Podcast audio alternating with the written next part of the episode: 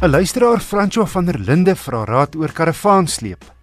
Hy wil weet of sy Toyota Avanza 1.5 geskik is om 'n Jurgens Expo karavaan te sleep. Hy oorweeg dit ook om 'n Toyota Corolla Quest 1.6 aan te skaf wat meer krag het. En hy vra ook of ek die Quest kan aanbeveel. Nou Francois die Avanza se 1.5 stoot net 77 kW en 137 Nm wrinkrag uit teenoor die Quest 1.6 se 90 kW en 154 Nm. Jy sou die Expo wat 'n redelike ligte karavaan is met die Avanza kon sleep, maar jy gaan gou stoom verloor teen opdraandes. So net indien jy 'n baie geduldige bestuurder is. Die Quest se wrinkragsyfer is 'n ent hoër as die Avanza se en ek sou hom aanbeveel om jou karavaan te sleep. En jy vra wat ek van die Corolla Quest dink?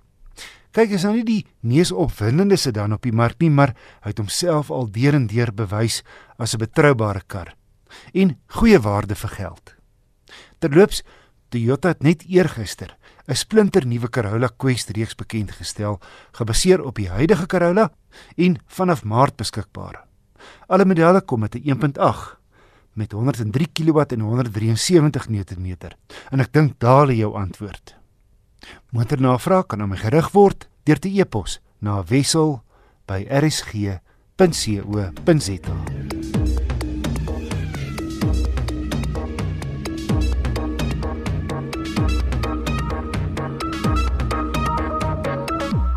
Die Renault Sandero se Stepway modelle is gewild, want teenoor die basiese lykrig staan die Stepway hoër met onderste skuurplate voor en agter, swart plastiekstroke om die wielbo en dakreëlings.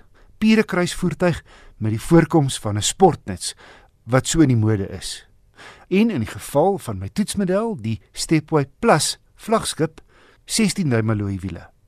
Rondom 'n aantreklike waantjie, maar Hoe lyk sake binne?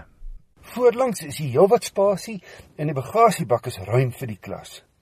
Agterste passasiers trek egter aan die kortste end wanneer lang mense voor inskuif. Met die bestuurstoel vir my posisie gestel, kan jy net net 'n voorskoolse kind agter my inpas. Hierdie Stepway Plus is verbasend goed toegerus vir sy prys. Navigasie, togbeheer en 'n tribeeld wat in tandem werk met drie sensors. Ook elektroniese stabiliteitsbeheer, heuwel wegtrekhulp en vier ligsakke. Jy kan ook jou slimfoon koppel. Die USB sok sit egter op 'n snaakse plek hier bo op die paneelbord. So jy gaan 'n loshangende kabel gebruik wat tot heel onder afhang waar jy jou selfoon veilig plaas. 'n Een aanraking oop en toemaak funksie op die bestuurder se venster, 'n volledige ritrekenaar en interessant die hoofligte kan op en afstel met 'n knop wat jy fisies na links of regs draai. Die regter voorvenster het egter soms snaakse geluide gemaak. In warm weer het die venster soms gekraak met die toemaakslag. In my regterknie het die geluid gemaak as ek hom teen die handvatsel sit.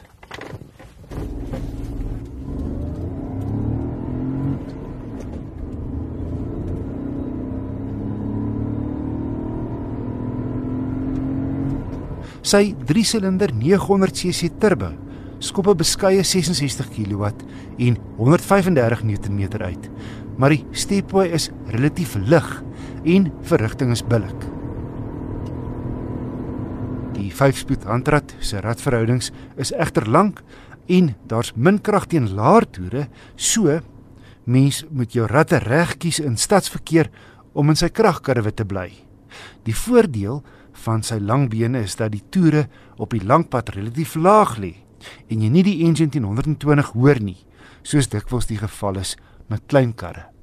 My gemiddelde stad en ooppad verbruik was 'n heel goeie 6,7 liter per 100 km vir R223900 kry jy baie kar teen die prys. En jy gaan sukkel om 'n voertuig teen die prys te kry met dieselfde vlak van toerusting.